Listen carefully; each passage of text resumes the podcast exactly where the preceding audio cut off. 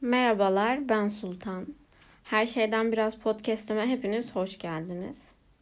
Bu bölümde doğrular hakkında konuşmak istiyorum çünkü belki de son zamanlarda en çok gündemimde olan mesele doğrular, yanlışlar, görece kavramı, görecelilik yani daha doğrusu. O yüzden sorumu sorarak bu bölüme başlıyorum. Kime göre doğru, neye göre doğru? Derin bir nefes almam gerekiyor çünkü belki de bu konuda söylemek istediğim çok fazla şey var. Sebebi bu yüzden.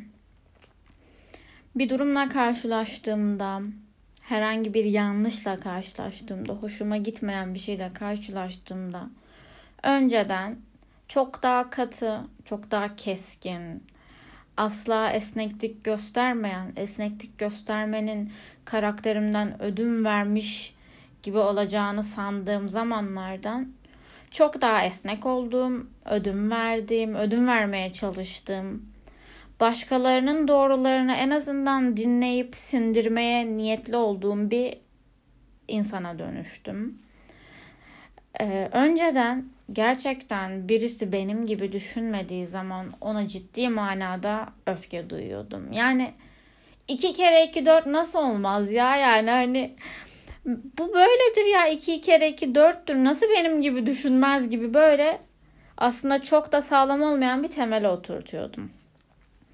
Hala hmm, biri benim gibi düşünmediği zaman içimde bir yerlerde ufak da olsa bir öfke duyabiliyorum. Her zaman değil ama bu. Şimdi bu e, kime göre doğru neye göre doğru meselesinde değerlendirirken de şöyle bir ayrım yapmamız gerektiğini düşünüyorum bazı olgular vardır. Hani gerçekten ama gerçekten nettir ve böyle öznel değerlendirmelerle e, mevzu bahis edilemez gibi geliyor. Bazı şeyler var tamam yani o kişiden kişiye göre değişsin diyebiliyorsunuz.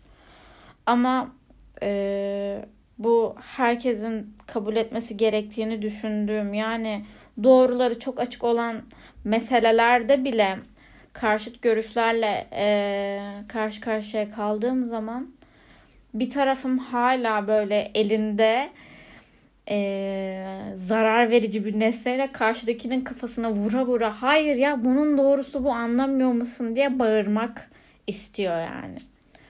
Şimdi şöyle bir örnek vererek başlayacağım. Mesela bir olay yaşandı, haberlere çıktı. Deliler gibi insanlar tepki gösteriyor. Belki sosyal medyada, belki arkadaş gruplarının içerisinde, belki ikili ilişkilerinizde herkes deli gibi tepki gösteriyor. Paylaşımlar yapılıyor. İşte belki lanetleniyor, belki kınanıyor. Son zamanlarda böyle olaylarda çok paylaşım yapmamaya çalışıyorum. Yapmıyorum. Bir tarafım hep umutsuzluk dolu. Diyorum ki kendi kendime ben buradan bu paylaşımı yaptığım zaman ne değişecek? Yani ben buradan bu paylaşımı yaptım diye giden geri gelecek mi?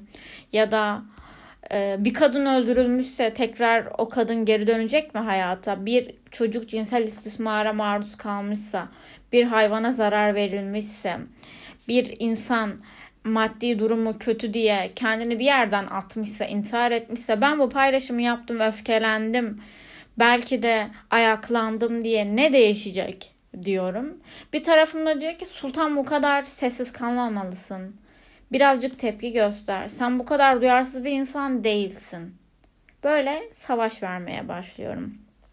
Sonra diyorum ki tamam önce bir sakinleşelim. Önce bir e, öğrenelim olayın aslı neymiş. E tabi böyle meselelerde bize yansıtılanın doğru olup olmadığını da bilmiyoruz. Ve gerçekten kime göre doğru neye göre doğru. Bir haber sitesinden okuyorsun bambaşka bir şey. Bir kanalı açıyorsun bambaşka bir şey. Sosyal medyada atıyorum Twitter'a giriyorsun bambaşka bir şey. Instagram'a giriyorsun o kolektif grupların paylaşımları bambaşka şeyler söylüyor. Ben neye inanacağım? Hangisi doğru? Ve yani herkesin doğrusu çok değişkenlik gösterdiği için gerçekten kendi doğrumu belirlerken e, çok zorlanıyorum. O yüzden son zamanlarda e, hele de böyle olayların içeriğini bilmeden gerçekten ne olmuş tam olarak bilemeyeceğimiz için bizimle bu paylaşılmayacağı için e, yorum yapmamaya çalışıyorum ama içim içimi de kemiriyor. Bu işin böyle daha toplumsal, gündemde olan tarafı. Daha ikili ilişkilere geldiğimizde ise şunu söyleyebilirim ki kimse benimle aynı yaratılmadı. Benden bir tane daha yok. Eğer bir ikizim olsaydı da eminim farklı düşüncelerimiz olurdu. Çünkü o da farklı bir insan. Bir yerde genetiğimiz, ıvırımız, zıvırımız tamam aynı olurdu belki ama hani benzerliklerimiz olurdu ama o da farklı bir insan. Farklı bir bedende, farklı bir ee, fikirle yaratılmış olurdu. Benden bir tane daha olmadığının farkındayım. İyi ki de yok bu arada. Bence benden bir tane daha fazla gelebilirdi bu dünyaya. Şimdi kendimi eleştirmeyeyim burada ama yani şey biliyorum şunu kabullendim. Benden bir tane daha yok. Benim gibi herkes düşünmek zorunda değil.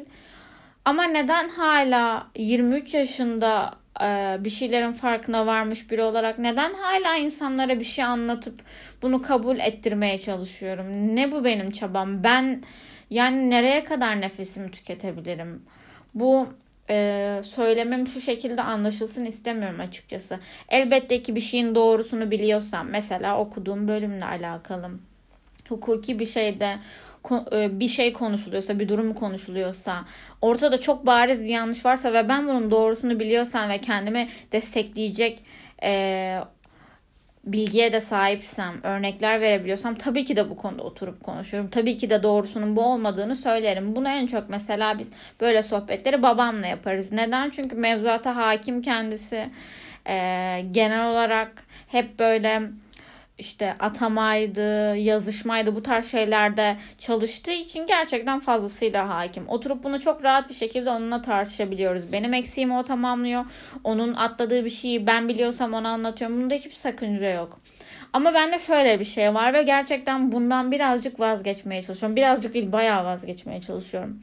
Bir olay olmuş. Karşımdaki kişi olması gerektiği gibi davranmamış, bana göre davranmamış, bana göre olması gerektiği gibi davranmamış. Ben neden sanki bunun yazılı bir kuralı varmış ki yazılı bir kural olsa bile kaç kişi uyuyor, kim uyuyor o da ayrı bir mesele. Varmış gibi oturup bak bunun böyle doğrusu böyledir böyle davranılmaması gerekiyor. Şöyle olması gerekiyor. Vay efendim ben böyle beklentiye girdim. Sen öyle yapmadın. Ben, ben üzüldüm, kırıldım, canım yan. Nereye kadar, nereye kadar ben karşımdaki insana e, eğrisini doğrusunu öğretebilirim ki ben çok yorulmuş hissediyorum bu konuda. Arkadaşlık ilişkileri olsun, özel ilişkiler olsun, ailenizle olan ilişkiler olsun. Kim gerçekten bana göre doğru diye düşünmeye başladığımdan beri aslında birçok kişinin e, gerçek olmadığının, sahte olduğunun, ilişkilerin çok çok çok fazla çıkar ilişkisine dayandığının farkına vardım. Bu biraz böyle sert gelebilir, acıtabilir insanın canını. Mesela benim canımı çok fazla acıttı. Acıtmaya da devam ediyor. Nasıl yani diyorum. Nasıl ya? O kadar paylaşım var bir kişiyle, o kadar e, vakit geçirmişliğim var. Var abi var. Tamam. Var diye o gerçekleri görmezden mi gelmeliyim? Terapi seanslarımın birinde e, doktorum bana şey söylemişti. İnsanların iyi yanlarına o kadar çok odaklanıyorsun ki kötü yanlarının farkındasın aslında ama onun da şu iyi yanı var deyip o kötü yanlarına hemen e, arka tarafa atıyorsun görmezden geliyorsun. Bu belki de benim kendime yaptığım en büyük kötülüklerden biri. Abi, kötüyse kötü o insan. Evet iyi yanları olması, onu seviyor olmam, ona değer gösteriyor olmam bazı konularda çok temel olan yanlışlarını değiştirmiyor ama ben hep tolere etmekten, hep görmezden gelmekten yanaydım. Sonra gözüm açıldı. Kime göre doğru, neye do- göre doğru diye düşündüğüm zaman fark ettim ki benim doğrularım var Herkes buna uymak zorunda asla değil. Ama ben benim doğrularımı herkese kabullendirmek durumunda da değilim. Böyle bir görev edinmişim kendime ne alaka diyorum şimdi. Gerçekten bundan vazgeçmeye çalışıyorum. Ama şöyle de bir gerçek var. Benim doğrularımı hmm, yüzde yüz kabullenmese bile bir insan ya da ben karşımdaki kişinin doğrularını yüzde yüz kabullenmesem bile ortak bir paydada buluşamadığım sürece buluşamadığımız sürece o iletişim, o ilişki devam etmiyor. E böyle olduğu zaman Nereye kadar şunu yapabiliriz? Tamam sen farklı düşünüyorsun ben farklı düşünüyorum. Okey saygı duy. Tamam saygı duyalım. Duymayalım demiyorum. Elbette ki saygı duyalım. Elbette ki karşımıza karşımızdaki insana bir şeyleri empoze etmeye çalışmayalım ya da o bize bunu yapmaya çalıştığında önüne geçelim. Ama bir yerde ortak paydada buluşamadığın zaman bir yerde e, olaylara, kişilere, durumlara böyle yakın benzer bir pencereden bakamadığınız zaman o ilişki kırılma noktasına geliyor ve nereye kadar diyeceksin tamam neyse bu sefer de böyle olsun. Nereye kadar böyle olsun? Yani umarım anlatabilmişimdir. Yaşadığım tüm bu deneyimlerden çıkarttığım sonuç kime göre doğru neye göre doğru bilmem ama benim bana göre doğrularım var. Bazılarının arkasında gerçekten dimdik hiç eğilmeden dururum. Bazen de gerçekten evet ya bana göre doğru olan belki de gerçekten ona göre doğru değil. Ben bunun üzerine bir düşüneyim. Enine boyuna bir tartayım. Belki de ben yanlışı savunuyorum doğru diye. Ee, deyip esneyebilirim. O sebeple bir şey savunduğunuz için, bir şey size doğru geldiği için suçlu hissetmeyin. Bende bu da var mesela. Yani karşımdan bir fikir geliyor. Diyorum ki hayda herhalde bende bir sıkıntı var. Ama çok inanmışım ona. Biliyorum onun öyle olduğunu. Kendimde de o çok sağlam temel oturttuğum şey e, yüzünden kendimi suçlu hissettiğimde, kendimi yargıladığımda çok böyle derin sorgulamaya giriyorum. Yani o zaman ben ne yapıyorum ya falan e, moduna girdiğim oluyor. Demem o ki doğrularınızı savunun. Kime göre doğru, neye göre doğruyu bilmem ama kendi doğrularınız olsun. Çünkü eğer kendi doğrularınız, kendi yanlışlarınız, kendi iyileriniz, kötüleriniz e, olmazsa gerçekten sizi siz yapan şeylerde eksiklik oluyor. E, ama e, bu demek değil ki esneyemeyen, tölere gösteremeyen ya da dinleyemeyen bir insan haline de gelmeyin. Benim bu bölümde söyleyeceklerim bu kadar. Umarım keyifle dinlemişsinizdir. Bir sonraki bölümde görüşene dek hoşçakalın.